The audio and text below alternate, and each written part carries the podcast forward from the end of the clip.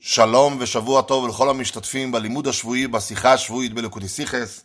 השיחה שאנו עוסקים בו כעת היא שיחה זבוירו בחלק ט"ז, שיחה A, בו הרב מסביר עד כמה חדרה קליפת וטומאת מצרים, מהו העומק אליו חדרה טומאת מצרים, ובמילא גם בהשלכות מכך, לאיזה עומק חדרו המכות שבאו לשבור את קליפת וטומאת מצרים, וכן איסור חמץ שהוא מסובב מטומאת מצרים, לאיזה עומק חודר איסור החמץ בדבר המאכל, שיש בזה השלכות הלכתיות ברורות כפי שנראה, וכן בעבודה הרוחנית של כל יהודי, שישנו העניין של גלות ויציאת מצרים, שגלות מצרים פירושה שעבודתו של יהודי יש לה גבול והיא נעשית במדידה והגבלה, ונדרש מהיהודי לצאת ממצרים, לצאת מכל המדידות וההגבלות, אז גם כאן נלמד עד כמה תיתכן גלות מצרים בנפשו של יהודי, ועד כמה הוא נדרש לוודא שהוא אכן יצא ממצרים בחלקים הכי עמוקים והדקים שבנפשו. ובכן, כולנו מכירים את המחלוקת המפורסמת של התנאים, שאנו אומרים אותה בשבת הגדול ובפסח, מהו מניין המכות שהמצרים לקו במצרים. שרבי יוסי הגלילי אומר שהם לקו עשר מכות, כפשוטו כפי שנאמר בתורה.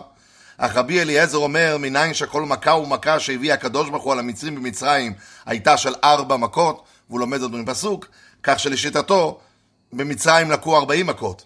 ורבי עקיבא מוסיף על דבריו וסובר שמניין שכל מכה ומכה שהביא הקדוש ברוך הוא על המצרים במצרים הייתה של חמש מכות, אז הוא לומד זאת גם כן מהפסוק, ולשיטתו לקו במצרים חמישים מכות.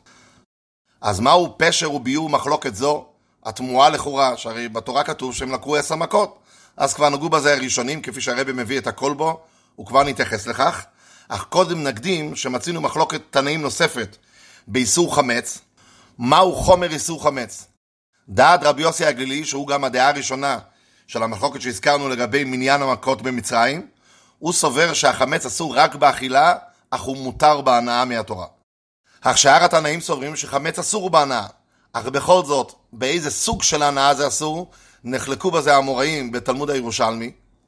האם רק בהנאה שקשורה לאכילה, דהיינו הנאה כזאת שמביאה לידי אכילה, כגון שהוא מוכר את החמץ לגוי והוא מקבל דמים תמורת החמץ, ומזה הוא קונה אוכל. או ישירות, או בעקיפין, בסוף הכל מגיע לדבר מאכל. אז רק הנאה מסוג זה אסורה, או שכל הנאה שהיא גם הנאה שאין בה שום רווח, כגון להאכיל כלב של הפקר, שאין לו שום רווח שיוצא לו מכך, שום תועלת, אך יש לו הנאה מעצם הדבר שהכלב של הפקר אכל את החמץ, האם גם הנאה כזו אסורה? אז ישנה הדעה בירושלמי שגם הנאה כזאת אסורה. כלומר, כל הנאה שהיא מעצם החמץ אסורה. אז כפי שנלמד בהמשך, גם המחלוקת הקודמת וגם המחלוקת הזאת, תלויים בשאלה עד כמה חדרה טומאת מצרים לתוך מצרים, והמצרים, ובנוגע לחמץ, עד כמה איסור החמץ חודר בדבר המאכל, שכאמור קודם, איסור חמץ זה מסובב מטומאת מצרים. דבר נוסף כדאי להקדים, שהרי מצינו בתורה עוד איסורי מאכל ועוד איסורי מאכל שגם אסורים בהנאה, כמו חמץ, אך איסור חמץ מתייחד בכך שבנוסף לאיסור האכילה ואיסור ההנאה לרוב התנאים שיש בו, יש בו איסור נוסף שלא יימצא ברשותו, בל ייראה ובל יימצא בפסח, אפילו ללא כל שימוש בחמץ, ללא כל הנאה בחמץ, אסור שהוא יישב ברשותו. וכאן בשיחה יסביר הרבה מדוע התייחד איסור החמץ בעניין זה בשונה משאר האיסורים. מחלוקת נוספת מצינו בין התנאים בנוגע למצוות ביעור חמץ, איך מבארים את החמץ, אז שיטת רבי יהודה שאין ביעור חמץ אלא שריפה. אך חכמים סוברים שהוא יכול גם לפרר ולזרות לרוח, או להטיל את החמץ לים. אז גם את ביעור מחלוקת זו אנחנו נלמד, שזה תלוי בשאלה הכללית, עד כמה איסור החמץ חודר בדבר המאכל, שההשלכה מכך היא בנוגע למצוות ביעור חמץ, עד כמה צריך לבאר אותו מהעולם, באיזו רמה. שהרי ברור שביעור חמץ בשרפה הוא הרבה יותר עמוק, מוחלט והרמטי, מאשר אם רק מפוררים אותו וזורים אותו לרוח, או מטילים אותו כפי שהוא לים. אז כאמור קודם, הביאור והנקודה הכללית בכל המקרים שהזכרנו קודם, ומה שנזכיר בהמשך, תלויה בשאלה הראשונה, עד כמה חדרה קליפת וטומאת מצרים במצרים וכל ענייניה. שהרי, כדאי להקדים, שידוע הרי שכל הברואים בעולם מורכבים מארבעה יסודות של אש, רוח, מים ועפר, שהתכונות של כל נברא בעצם מורכבות ממשקלו היחסי מאותם ארבעת היסודות. והרמב"ם העריך בכך בהלכות יסודי התורה, וכלשונו שימצא כל גוף מאדם ובהמה, חיה ועוף, דג, צמח, מתכת ואבן, כל אחד מהם מחובר מאש ורוח ומים ועפר, והם מתערבים יחד, וכל אחד מהם משתנה בשעת העירוב, שלכן בכל אחד מהנבראים יימצא קור וחום, לח ויובש כאחד, שהם באים מארבעת היסודות, אבל יש כאלו שרואים בהם יותר עניין של חום, כמו בעלי נפש חיה, כי יש בהם את יסוד האש חזק יותר, ויש מהם גופים שיש בהם חזקה מיסוד האפר, כמו האבנים, אז רואים בהם יותר יובש. ויש כאלו שרואים בהם את התכונות הללו בשווה, אומר הרמב"ם, כל אחד לפי רוב היסוד שהיה בעיקר התערובת, כך הוא בא לידי ביטוי גם בצורה החיצונית שלו.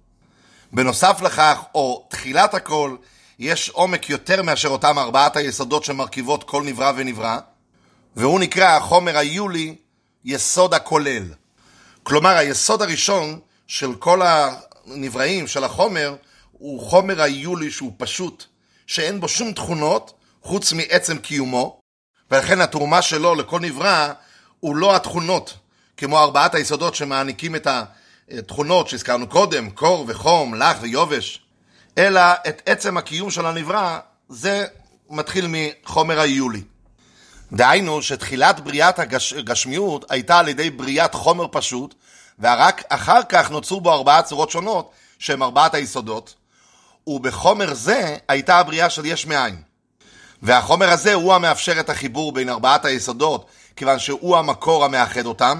אולי נצטט את לשונו של הרמב"ן בתחילת התורה, כותב הרמב"ן שהקדוש ברוך הוא הוציא מן האפס הגמור המוחלט יסוד דק מאוד, אין בו ממש, אבל הוא כוח ממציא, מוכן לקבל הצורה ולצאת מן הכוח אל הפועל, והוא החומר הראשון, נקרא ליוונים היולי, ואחר היולי לא, לא ברא דבר, אבל יצר ועשה, כי ממנו המציא הכל והלביש הצורות ותיקן אותן. וזה רמוז בפסוק שנאמר בתחילת התורה, בראשית ברא אלוקים את השמיים ואת הארץ, והארץ הייתה תוהו ובוהו. כלומר שבתחילת התהוות העולם הייתה הארץ תוהו, שזה חומר פשוט בלבד. ואחר כך השתלשל ובוהו, שהוא יצירת הצורה בחומר היולי, והפרטים של השמיים והארץ. ואחד הביאורים שהראשונים כתבו, מדוע הקדוש ברוך הוא ברא כך את הבריאה, זה כדי שכל הנבראים יהיו בעלי משותף כללי, שיהיה מכנה משותף לכל הנבראים, וכך יהיה אפשרי שאחד ישמש מזון לזולתו. ועוד, שבכך זה נחש... יש כאן ממוצע כללי בין היעדר המציאות לנבראים, אך אילו לא היה ממוצע כללי זה, היה צורך בפעולת הבריאה של יש מאין בכל נברא בפני עצמו. אז כאן מגיעה השאלה, עד כמה חדרה קליפת וטומאת מצרים לתוך כל מצרים. בזה נחלקו שלושת התנאים, רבי יוסי הגלילי, רבי אליעזר ורבי עקיבא. דעת רבי יוסי הגלילי שהמצרים לקו במצרים עשר מכות, כפשוטו כפי שנאמר בתורה, מורה שלשיטתו קליפת וטומאת מצרים לא חדרה ולא פגעה, אלא בתואר וחיצונית הדברים כפי שהדברים נראים לנו. וזה לא חדר לעומק, לא רק שזה לא חדר לכוח היולי, אלא גם לא לארבעת היסודות, וכפי שנסביר יותר, עוד מעט לשיטת רבי אליעזר ורבי עקיבא, אלא לשיטתו זה פגע רק בתואר וחיצוניות הדברים. אז לכן כשהתורה אומרת שהם לקו במצרים עשר מכות, הכוונה היא שזה בא לשבור את קליפת וטומאת מצרים שהתלבשה בחיצוניות. אז די היה בעשר מכות כדי לשבור את קליפת מצרים. אך דעת רבי אליעזר שטומאת מצרים חדרה כבר לעומק הדבר, לא רק כפי שהוא נראה לעינינו. למשל, הרבי מביא את הדוגמה, לגבי מכת דם. אז לשיטתו, לא הוכו רק המים כפי שהם כבר נראים כמציאות של מים, אלא גם האש, הרוח והעפר שבמים, שהרי הזכרנו קודם שבכל נברא יש את כל ארבעת היסודות, וגם במים יש את האש, רוח ועפר, אז לשיטת רבי, רבי אליעזר, המכה לא פגע בדבר רק כפי שהוא מורכב מארבעת היסודות וכפי שהוא בא כמוצר מוגמר לפנינו, אלא זה חדר עמוק יותר.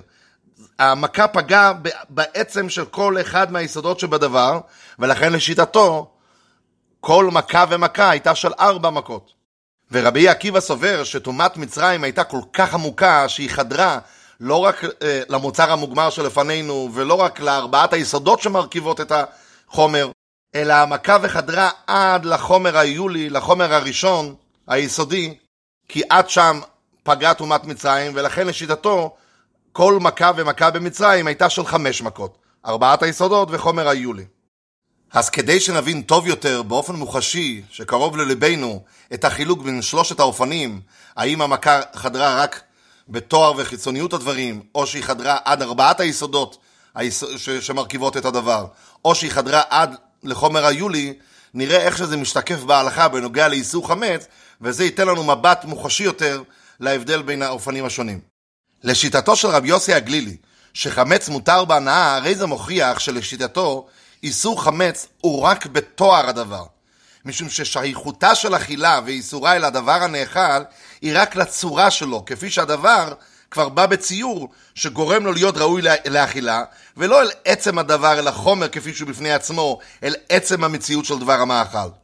ולכן מותר הדבר בהנאה, כי אני לא נהנה מהדבר בצורה שהוא הוא, הוא עומד לפניי.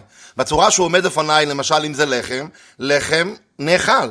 וכאשר אני לא אוכל את הלחם, אלא השימוש שלי בלחם הוא בדרך אחרת, בדרך שאני נהנה ממנה. אפילו הנאה כזאת שאני מוכר אותה לגוי והוא אוכל אותה. אבל החלק שלי, מה שנהניתי מהלחם, הוא לא מהצורה החיצונית שלו, אלא מעצם זה שיש כאן מציאות של לחם שמכרתי אותה לגוי, לדעת רבי יוסי הגלילי, זה מותר.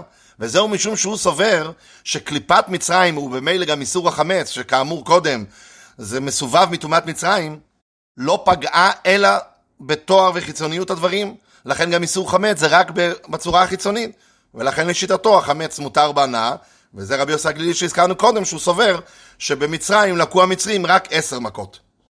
וכפי שהרבי גם הוסיף בשיחה, שזה מסביר איך יכול להיות בכלל מציאות כזאת של דבר שאסור באכילה ומותר בהנאה. הרי אם יש בדבר רע ואיסור, איך מותר ליהנות מהדבר? אלא כפי שביארנו, איסור אכילה פירושו שהרע נמצא רק בצורת הדבר, בחיצוניותו, במה שגורם לו להיות ראוי לאכילה.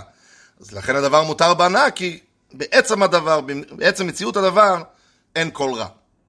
אך לדעת רוב התנאים המוחלט, חמץ אסור בהנאה, שזה מורה שהאיסור חדר עמוק יותר, לא רק על הדבר כפי שהוא נראה בחיצוניות לנו, אלא גם ליהנות ממנו בדרך אחרת, לא בדרך של אכילה, גם זה אסור, שזה מורה שהרע נמצא בעומק יותר, גם בעצם הדבר. אבל בזה גופה ייתכנו שני אופנים. כלומר, עצם הדבר שהדבר אסור בהנאה, זה מורה שהאיסור חדר עמוק יותר, ובלשון של מה שדיברנו קודם, שזה חדר כבר לארבעת היסודות.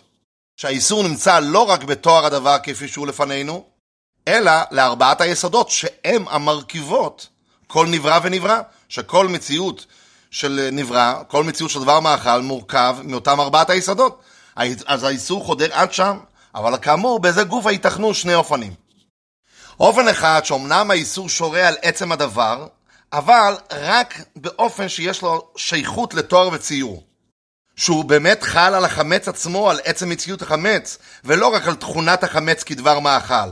אבל באופן כזה שהחמץ כבר מוגדר על פי תכונה זו, שהוא דבר מאכל, ולכן נאסר החמץ רק באופן כזה שהוא יכול להביא לידי מציאות של הנעת אכילה, שהזכרנו קודם, של הדעה הראשונה, חמץ אסור בהנאה, רק באופן כזה, שבסופו של דבר זה מביא לידי אכילה, אמנם לא את החמץ עצמו, אבל דרך זה שהוא מוכר את החמץ לגוי, ואז הוא קונה בדמים דבר מאכל, אז רק הנאה זו נאסרה. אז יוצא שאומנם האיסור הוא בעצם הדבר, לכן גם אם הוא לא מכניס את המאכל לגופו, הוא לא אכל את המאכל, אלא הוא מכר את זה לגוי והוא נהנה רק מהדמים שבאו תמורת האכילה, זה אסור. שזה מורה שהאיסור חדר עמוק יותר לעצם הדבר, ולכן כל שימוש בו אסור, אבל עדיין איזו הנאה נאסרה מעצם הדבר?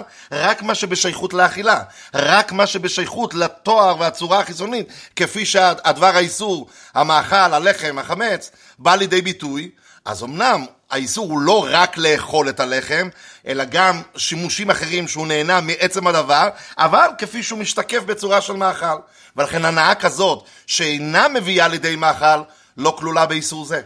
ולכן מותר להאכיל את החמץ לכלב הפקר, לפי דעה זו, כי אמנם ודאי הוא נהנה מזה שהוא מאכיל את הכלב של הפקר, אבל ההנאה שיש לו זה מעצם הדבר, לא כנגזרת מכך שהדבר היו, היה ראוי לאכילה עבורו. ולכן במצב זה לא חל איסור החמץ, משום שאיסור החמץ לא חודר לרמה כזאת של ארבעת היסודות, כפי שהדבר מופשט מהתואר והציור שלו, אלא זה חדר לארבעת היסודות כפי שהם היסודות של אותו דבר המאכל שראוי לאכילה, והאיסור שחודר לעצם הדבר הוא, הוא רק כפי שהוא העצם של מציאות הדבר הנראית לעינינו. אך הדעה הזאת הסוברת שאסור להכיל לכלבי הפקר, זה משום שהדעה הזאת סוברת שהאיסור חדר לארבעת היסודות עצמם ללא כל קשר להשתקפות של, של ארבעת היסודות כפי שהם באו לידי ביטוי בצורה הנראית לעינינו, אלא איסור החמץ חודר לרובד עמוק יותר, לעצם מציאות החמץ, גם בעצם כפי שהוא עדיין לא מוגדר על פי תכונתו כדבר מאכל, ולכן כל שימוש שבו אסור. עכשיו, הזכרנו קודם שהתייחד איסור החמץ, שיש בו איסור מיוחד שלא יימצא ברשותו של ישראל, בל ייראה ובל יימצא אפילו ללא כל שימוש בחמץ. שזה מורה שהאיסור חדר לחומר ועצם הדבר כפי שהוא מופשט מכל צורה שהיא, שלכן עצם המציאות של החמץ ברשותו בל ייראה, בל יימצא. אלא שבאמת הסבר זה נכון רק לפי הדעה השלישית שהזכרנו קודם, שעצם ההנאה נאסר באיסור החמץ, והיינו כאמור שהאיסור חודר לחומר ועצם הדבר כפי שהוא מופשט מכל צורה שהיא, שעצם מציאות החמץ אסורה, ולכן התורה אמרה בל ייראה ובל יימצא. אבל לפי הדעה שהזכרנו קודם, שרק איסור הנאה המביא לידי אכילה נאסר באיסור חמץ, אך כל הנאה אחרת מעצם החמץ מותרת, ודאי נצטרך להסביר אחרת את איסור הבל ייראה ובל יימצא, שהתורה אסרה בל ייראה ובל יימצא בחמץ רק כסייג שלא יבוא לאוכלו. וכפי שכתבו הראשונים טעם זה, הרב מזכיר את זה כאן בהערות, שמשום חומר איסור אכילת חמץ, ובגלל שאנשים רגילים בו כל השנה, בשונה משאר איסורים שאנשים בדלים מהאיסור, אך באיסור חמץ הוא רגיל בו כל השנה, אז כדי שהוא לא ייכשל, שהוא בטעות ייקח את הלחם שהוא רגיל בו כל השנה, אסרה התורה להשאיר את החמץ ברשותו, ולכן חל האיסור של בל ייראה ובל יימצא, וזה לא ההסבר שהזכרנו קודם, שזה מורה שהאיסור חדר לעצם הדבר. לא, זה רק כסייג מן התורה שלא יבוא לאוכלו. אז אם נסכם בינתיים את מה שלמדנו בנוגע לאיסור חמץ, שמצינו את שלושת הדעות, האם חמץ מותר בהנאה, או שחמץ אסור בהנאה שמביאה לידי אכילה, או שחמץ אסור בכל הנאה, אז זה תלוי עד כמה חודר איסור החמץ, האם רק בחיצוניות הדברים, כפי שהוא בא לידי ביטוי בדבר מאכל, ולכן כל דבר שאיננו מאכל הוא מותר, לכן הוא מותר בהנאה, או שאיסור חמץ חודר לעצם ארבעת היסודות, היסודות של, של אותו דבר מאכל. אבל זה חודר לארבעת היסודות כפי שמרכיבות את דבר המאכל, כפי שמארבעת היסודות הללו אחר כך משתקף אותה צורה של דבר המאכל, אז אמנם איסור חמץ חודר לעצם הדבר, לעצם ארבעת היסודות, אבל כפי שהוא משתקף בדבר המאכל, ולכן רק הנאה שמביאה לידי אכילה, נאס... אכילה נאסרה, אך עצם הנאה מהדבר עצמו לא נאסר. ואופן שלישי עמוק יותר, שאיסור החמץ חודר לעצם ארבעת היסודות, לא כפי שמרכיבות כבר את הצורה הנראית לעינינו.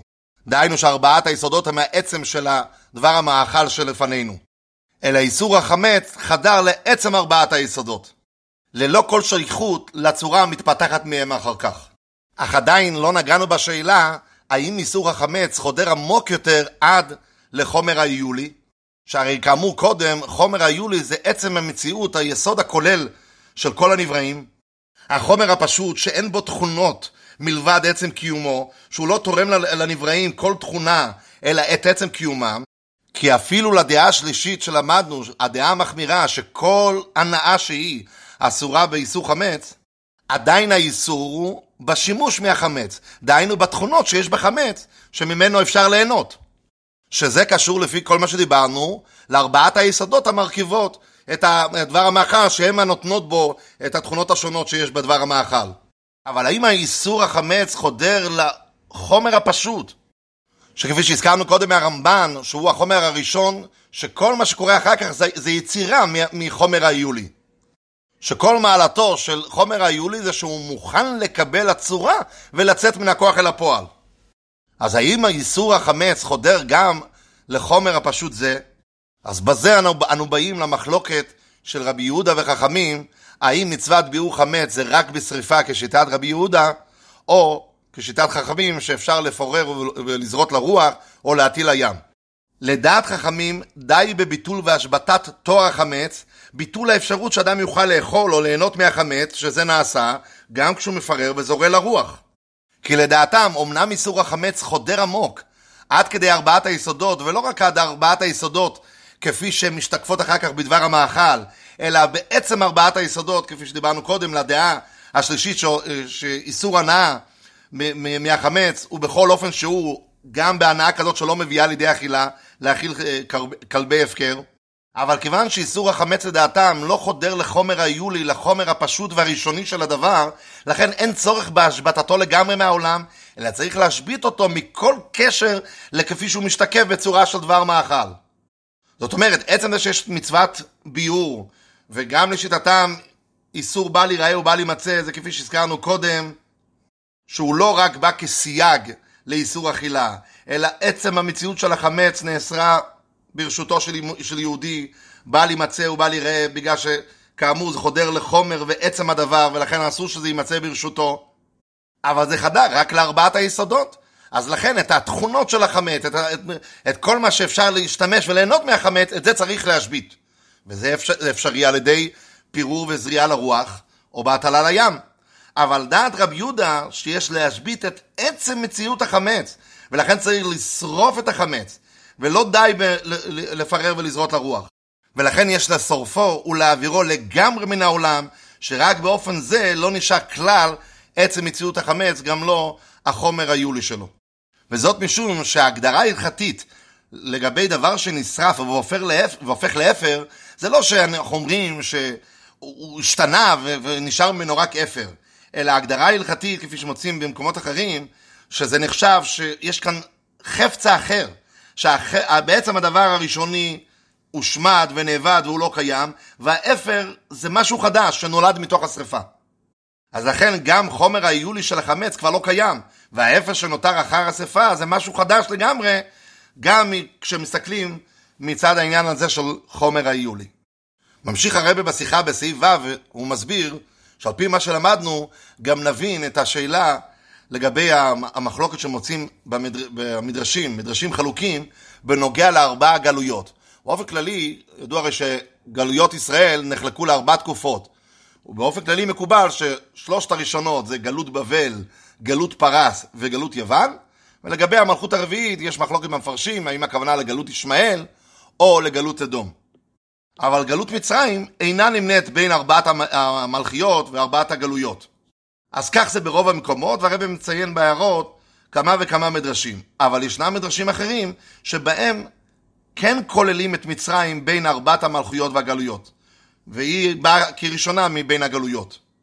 אומר הרבה שהשאלה הזאת, האם כוללים את גלות מצרים בין ארבעת המלכויות או לא, תלוי בשאלה היסודית של כל השיחה, עד כמה חדרה טומאת מצרים בארץ מצרים. ובהקדים, שמבואר בספרי קבלה וספרי חסידות, בנוגע לארבעת אותיות שם הוויה, שהן בעצם מקבילות לספירות, לעשר הספירות. האות הראשונה, י', מקבילה לספירת החוכמה, שכשם שספירת החוכמה אין בה כל כך כלים כמו שיש בספירות האחרות, אלא זה ברק המבריק, זה נקודת השכל, נקודת המוחין. וכך משתקפת באות י', האות הכי קטנה שמסמלת על נקודה. זו ההתגלות האלוק, האלוקית הראשונה, כפי שהיא עומדת באות הראשונה של שם הוויה, מובהר בתניא, שבספירת החוכמה שורה אור אינסוף ברוך הוא. אחר כך יש את האות A, שהיא כנגד ספירת הבינה, שכמו האות A אנחנו רואים את הרחבות שהיא מתרחפת לאורך, עומק ורוחב, שזו עניינה של ספירת הבינה. כפי שזה בכוחות השכל שלנו, שנקודת החוכמה היא רק נקודה, ואחר כך היא מתרחבת בעומק, אורך ורוחב בספירת הבינה, שם כבר יש כלים, שזה מסמל על, על ירידת האלוקות לדרגה פחותה יותר מספירת החוכמה, אחר כך הוו של שם הוויה, זה כנגד ששת המידות, חסד עד יסוד, שהן נקראות בשם זה, זעיר אנפין, והאי האחרונה מקבילה לספירת המלכות, שספירת המלכות יש לה קשר מיוחד עם ספירת הבינה, כשם שספירת הבינה היא מבחינת מקבל מספירת החוכמה, והיא הצד המקבל של ייחוד העילה, הספירת המלכות היא מבחינת מקבל בכללות של כל הספירות. ובאופן פרטי יותר, מזעיר אנפין, מששת המידות, והיא הצד המקבל של ייחוד התתאה. לכן אה, ספירת הבינה נקראת עם העילה, וספירת אה, המלכות נקראת עם התתאה. שבספירת המלכות בא האור האלוקי גם כן מבחינת עומק, אורך ורוחב חדש ממה שהוא היה קודם, שהאור האלוקי בא בצמצום יותר ולכן כתוב על המלכות של עולם האצילות, שזה כבר שייך גם לעולם הבריאה, אז נעשה כתר ועתיק לבריאה, כי מספירת המלכות מגיע האור לעולם הבריאה, כי האור האלוקי מצטמצם בספירת המלכות ביחס לספירות הקודמות. עכשיו, עוד נאמר בספרי הקבלה, שהקוצו של יוד זה מקביל לספירת הכתר, שהכתר זה השורש של כל הספירות, ואינה נמנית עם הספירות. שספירת הכתר זה כביכול הממוצע בין המאציל לנאצלים, ולכן מצינו בספירת הכתר חיצוניות הכתר ופנימיות הכתר, כי כדי שממוצע יוכל לחבר בין שני עניינים שונים, צריך להיות כלול משניהם. ובאופן כללי, ספירת הכתר זה עצם האלוקות, שהוא הרצון הכללי המקיף את העולמות ולמעלה מהם, שבו עצמו, כפי שאמרנו, יש שתי בחינות כלליות, פנימיות הכתר וחיצוניות הכתר, שלא כאן המקום להיכנס בביאור עניין זה, והאותיות שם הוויה זה כנגד האלוקות שמתלבש בסדר השתלשלות, לפי סדר הספירות, כפי שהסברנו קודם, מספירת החוכמה עד ספירת המלכות. אזי המחלוקת האם גלות מצרים נמנית במניין ארבעת המלכיות והגלויות, או לא, תלויה בשאלה כנגד מה גלות מצרים, כי כפי שנאמר בספרי הקבלה, ארבעת המלכויות והגלויות הם כנגד ארבעת האותיות של שם הוויה, אז אם גלות מצרים זה כנגד קוצו של יוד, משום שהיא הגלות הראשונה והיא שקולה ככולם ויותר, ויותר מהם, אזי קוצו של יוד, שכאמור זו ספירת הכתר, אז כפי שהרבי מצטט מספר עץ חיים, רב חיים ויטל, שהיא דוגמת החומר הקדום הנקרא היולי. דהיינו שגלות מצרים פגעה גם בחומר היולי, כפי שלמדנו. והיות שזה החומר הראשון, כפי שהוא פשוט לגמרי מכל צורה שהיא, פשוט גם מארבעת היסודות, לכן, לשיטה זו, גלות מצרים אינה נמנית בין ארבעת הגלויות. אך לדעה שמונית כן את מצרים בתוך ארבעת הגלויות, זה בגלל שלדעה זו, מצרים היא כנגד בחינת החוכמה, שאף על פי שגם לדעה זו, גלות מצרים היא שורש כל הגלויות, אבל זה שורש שכולל את כל הגלויות, שקליפת מצרים לפי זה פגע בארבעת היסודות, שארבעת היסודות זה גם השורש של הדבר הנראה לעינינו. אבל זה בשורש, בחומר של עצם הדבר, כפי שיש בו כבר את התכונות והציור של ארבעת היסודות. ומכאן מגיע הרבה בסעיפים האחרונים, סעיפים ז' וח', לביאור עניין גלות ויציאת מצרים שבעבודה הרוחנית של כל יהודי, שהיות שלמדנו שנחלקו רבי אליעזר ורבי עקיבא עד כמה חדרה טומאת מצרים, אם עד ארבעת היסודות או גם לחומר היולי, והזכרנו קודם את שיטת רבי יוסי הגלילי שהחמץ מותר בהנאה, ולשיטתו קליפת וטומאת מצרים לא חדרה לעומק, אך אין ההלכה כמוהו. ההלכה היא כשיטת רוב התנאים שהחמץ אסור בהנאה, כי ודאי שאיסור חמץ שבא כתוצאה מטומאת מצרים, אז טומאת מצרים חדרה לעומק הדבר, אבל יש בזה מחלוקת האם רק לארבעת היסודות או גם לחומר היולי, אז ממילא בעבודה הרוחנית, שיהודי צריך לצאת ממצרים, לצאת מהגלות מצרים שבו הוא שרוי, תשתקף המחלוקת הזאת של רבי אליעזר ורבי עקיבא, ממה הוא צריך לצאת בעבודה הרוחנית, מה, עד, עד כמה גלות מצרים חודרת לעומק נפשו. לדעת רבי אליעזר, שטומאת מצרים פגע רק בארבעת היסודות ולא בחומר היולי, אז בעבודה הרוחנית של כל יהודי זה אומר שגלות מצרים חודרת לכל עשר כוחות נפשו. וכפי שאמרנו קודם שהעשר ספירות העליונות מקבילות לארבעת אותיות שם הוויה, גם עשר כוחות נפשו של האדם מקבילות לארבעת אותיות שם הוויה, דהיינו שעשר כוחות נפשו מתחלקות לארבעה סוגים בהגדרתם בעבודה הרוחנית. יש את העבודה של יהודי בפועל, במחשבה, דיבור ומעשה, קבלת עול מלכות שמיים, שזה ספירת המלכות. אחר כך יש את העבודה שלו, עבודת המידות, אהבת השם, יראת השם וכולי. יש את העבודה של המוחין, שזה משתקף בעיקר בספירת הבינה, עיקר המוחין. יש את העניין של מסירות נפש, כפי שמסביר אדמו"ר הזקן מתניא, שזה נובע מצד ספירת החוכמה שבנפש האלוקית, שהיכולת למסור את הנפש נובעת מספירת החוכמה שיש בנפש האלוקית, ואולי נסביר בקצרה את הטעם לכך, משום שהחילוק בקצרה בין אה, חוכמה לבינה, כפי שהן באות בנפש האדם, אז ניתן את הדוגמה כפי שזה בא בשכל, כשאדם מתייגע באיזה דבר שכל, בתורה, להבין איזה עניין מסוים, אז החלק הראשוני זה החוכמה, זה הברק המבריק, לאחר שהוא התייגע ומתקשר בסוגיה, פתאום הוא מרגיש שזה אור שמתנוצץ לו, אור שהוא מרגיש שהנה כאן נמצא הפתרון להבנת הסוגיה. אך בשלב זה אין לו שום כלים להבין, אין לו שום כלים לראות איך זה מיישב את הקושיות השונות שיש לו בסוגיה. אבל הוא חש בצורה הכי ברורה שכאן נמצא הפתרון והאור של הסוגיה, אך אין לו עדיין שום כלים להבין איך זה פותר את הסוגיה. ואחר כך מגיע החלק של הבינה שבה הוא יורד לפרטים, והוא לוקח את הנקודה ומרחיב אותה, ומעריך אותה לאורך, רוחב ועומק וכולי. אז בנקודה הראשונית, כשהחוכמה מאירה בו, הביטוי השכלי שיש כאן זה לא מה הוא מבין, כמה הוא מבין. אדרבה, כרגע הוא עוד לא מבין כלום, אבל הוא מרגיש את האור עצמו, את השכל עצמו. והפוך, הוא צריך להיות בתנועה של ביטול כדי באמת לקבל את, ה, את, ה, את האור הזה שהוא מרגיש שכאן נמצא הפתרון, ולהתבטא לגמרי למה שהוא מנסה לתפוס, ולא להכניס את, את החלקים שלו, אלא רק אחרי שהוא ירגיש שהוא תפס את הנקודה היסודית, עכשיו הוא ינסה להתחיל לפרק אותה ולהתחיל לבנות ממנה את הסוגיה. יוצא אם כן שהחוכמה מבטא יותר את הדבר עצמו, לא, לא, לא אותו, לא את הכלים שלו, ובינה להפך מבטא יותר את החלק שלו, את הכלים, איך הוא בונה עם הכלים, עם המוח, עם היכולות שלו, את הרעיון, והוא מפתח אותה, וכך הוא מיישב את הסוגיה. אז כשמדברים על העניין האלוקי, שבנפש האלוקית, מצד ספירת החוכמה, מצד כוח החוכמה שבנפש האלוקית, שמה מאיר האלוקות הניצוץ האלוקי כפי שהוא, לא כפי שזה בא מצד הכלים שלו, מצד היכולות שלו. החלק שלו מתחיל בספירת הבינה, לכן מכוח הבינה שיש בנפש האלוקית, מתחילה מציאות הנשמה.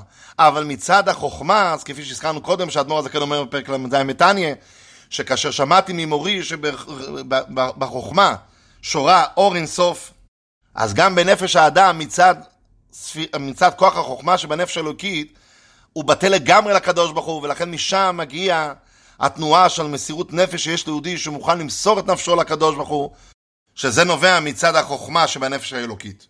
וכאן בא רב לבזר ואומר שבעבודה הרוחנית של יהודי שנדרש יציאת מצרים, לצאת מגלות מצרים שבנפשו, אז נדרשת העבודה של יציאת מצרים בכל ארבעה סוגי כוחות הנפש.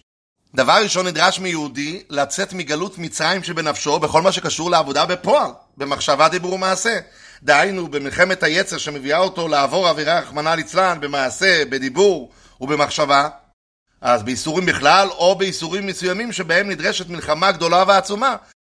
אז הוא יצא מהמיצר הזה, דהיינו שהוא נזהר בתכלית מלעבור על דבר איסור, אפילו על דקדוק קל של דברי סופרים.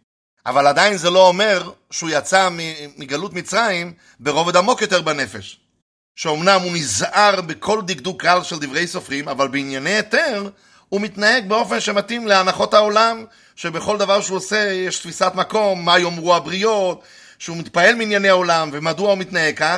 כי זה, זה נובע מהמצרים שהוא נמצא בו, הוא מדוד ומוגבל לפי הרגש של העולם שסביבו, דהיינו שהמידות שלו מרגישות את הסביבה ומתחשבות בה, אז בכל מה קשור לעולם המידות, הוא, הוא, הוא, הוא נתון עמוק בגלות מצרים, ונדרשת עבודת יציאת מצרים בעולם המידות שבו. אך גם לאחר שהוא מוודא בעולם המידות שבו, שהוא יוצא ממצרים, הוא באמת כבר לא מתחשב ברגש של העולם, בהנחות העולם, עדיין יכול להיות שברובד עמוק יותר בנפש, הוא נמצא בגלות מצרים. שזה בכוח הבינה. דהיינו, שעבודתו נעשית רק על פי דה, טעם ודעת, בקרירות השכל. הוא אמנם כבר לא מתחשב בענייני העולם, הוא מתחשב רק בכל מה שבטעם ודעת על פי תורה, אבל בזה הוא מוגבל. שאין אצלו כל תנועה של מסירות נפש לעבוד את הקדוש ברוך הוא בתנועה של למעלה מטעם ודעת, למעלה ממה שהשכל מחייב אותו. זה, כי זהו משום שבכל מה שקשור לעולם המוחין, כוח הבינה שבו, הוא נמצא עמוק בגלות מצרים, ולכן עליו לוודא בעבודתו הרוחנית שהוא יוצא ממצרים בדרגה זו. אך גם לאחר שהוא מוודא בנפשו שהוא יוצא ממצרים, והוא בתנועה של למעלה מטעם ודעת, עדיין ייתכן שהוא בגלות מצרים ברובד עמוק יותר בנפש, בכוח החוכמה שבנפש אלוקית. מה זה אומר? זאת אומרת, מדובר כאן על אדם שעובד את הקדוש ברוך הוא למעלה מטעם ודעת, והוא עובד בתנועה של מסירות נפש.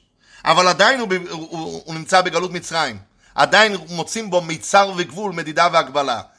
אז בשביל להסביר את זה, מביא הרבה סיפור מהרבה הקודם, שסיפר על יהודי מסוים שהעריך בקריאת שמע בתיבת אחד, הוא התבונן בתיבת אחד, ואחר כך הוא אמר שההתבוננות שלו נמשכה כמעט דקה.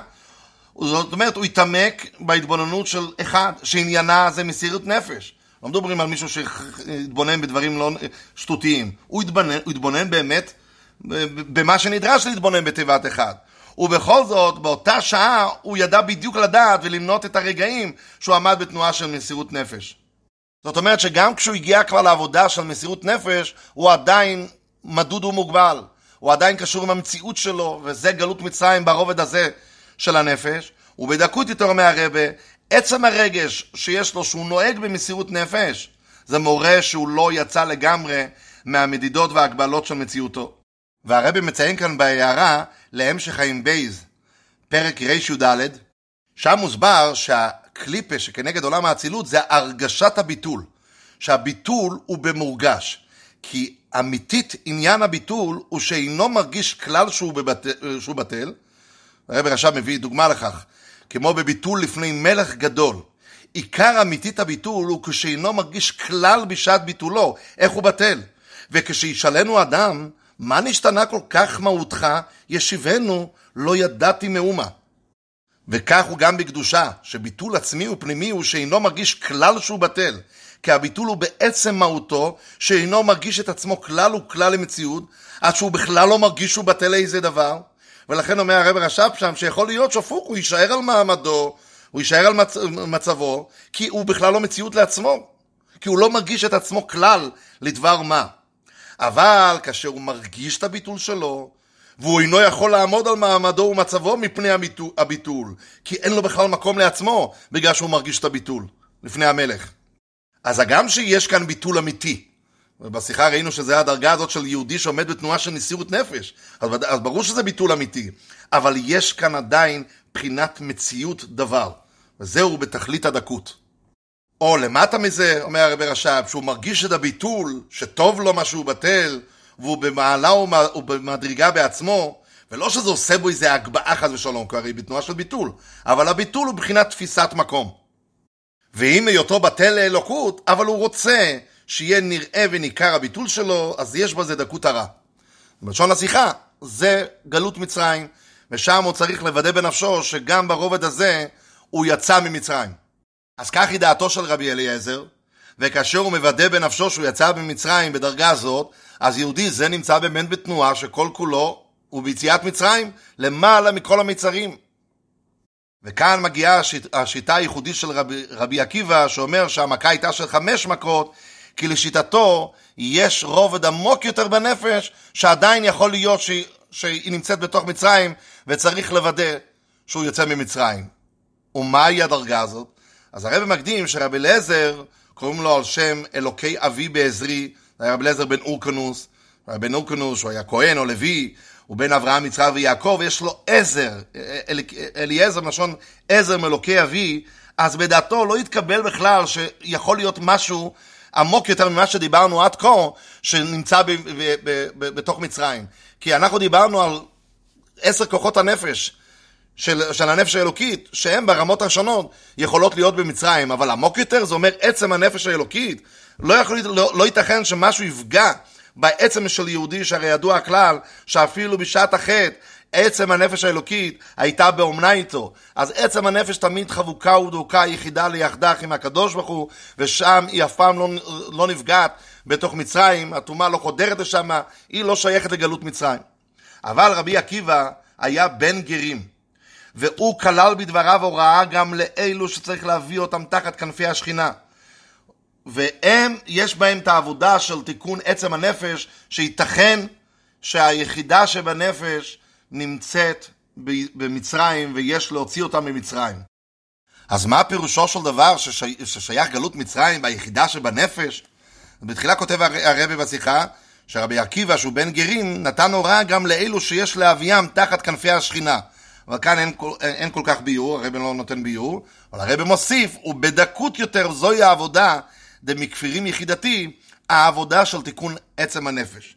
והרבי מציין על כך את אה, לוקוטי תורה, פרשת ראי. שם מבאר אדמו"ר הזקן שדוד המלך אמר, מכפירים יחידתי. מה הכוונה? שהרי יש נפש, רוח, נשמה, חיה יחידה, וחיה זה מבחינת חוכמה, כמו שכתוב, והחוכמה תחיה וכולי, אבל יחידה זה הרצון הפשוט של למעלה מהחוכמה.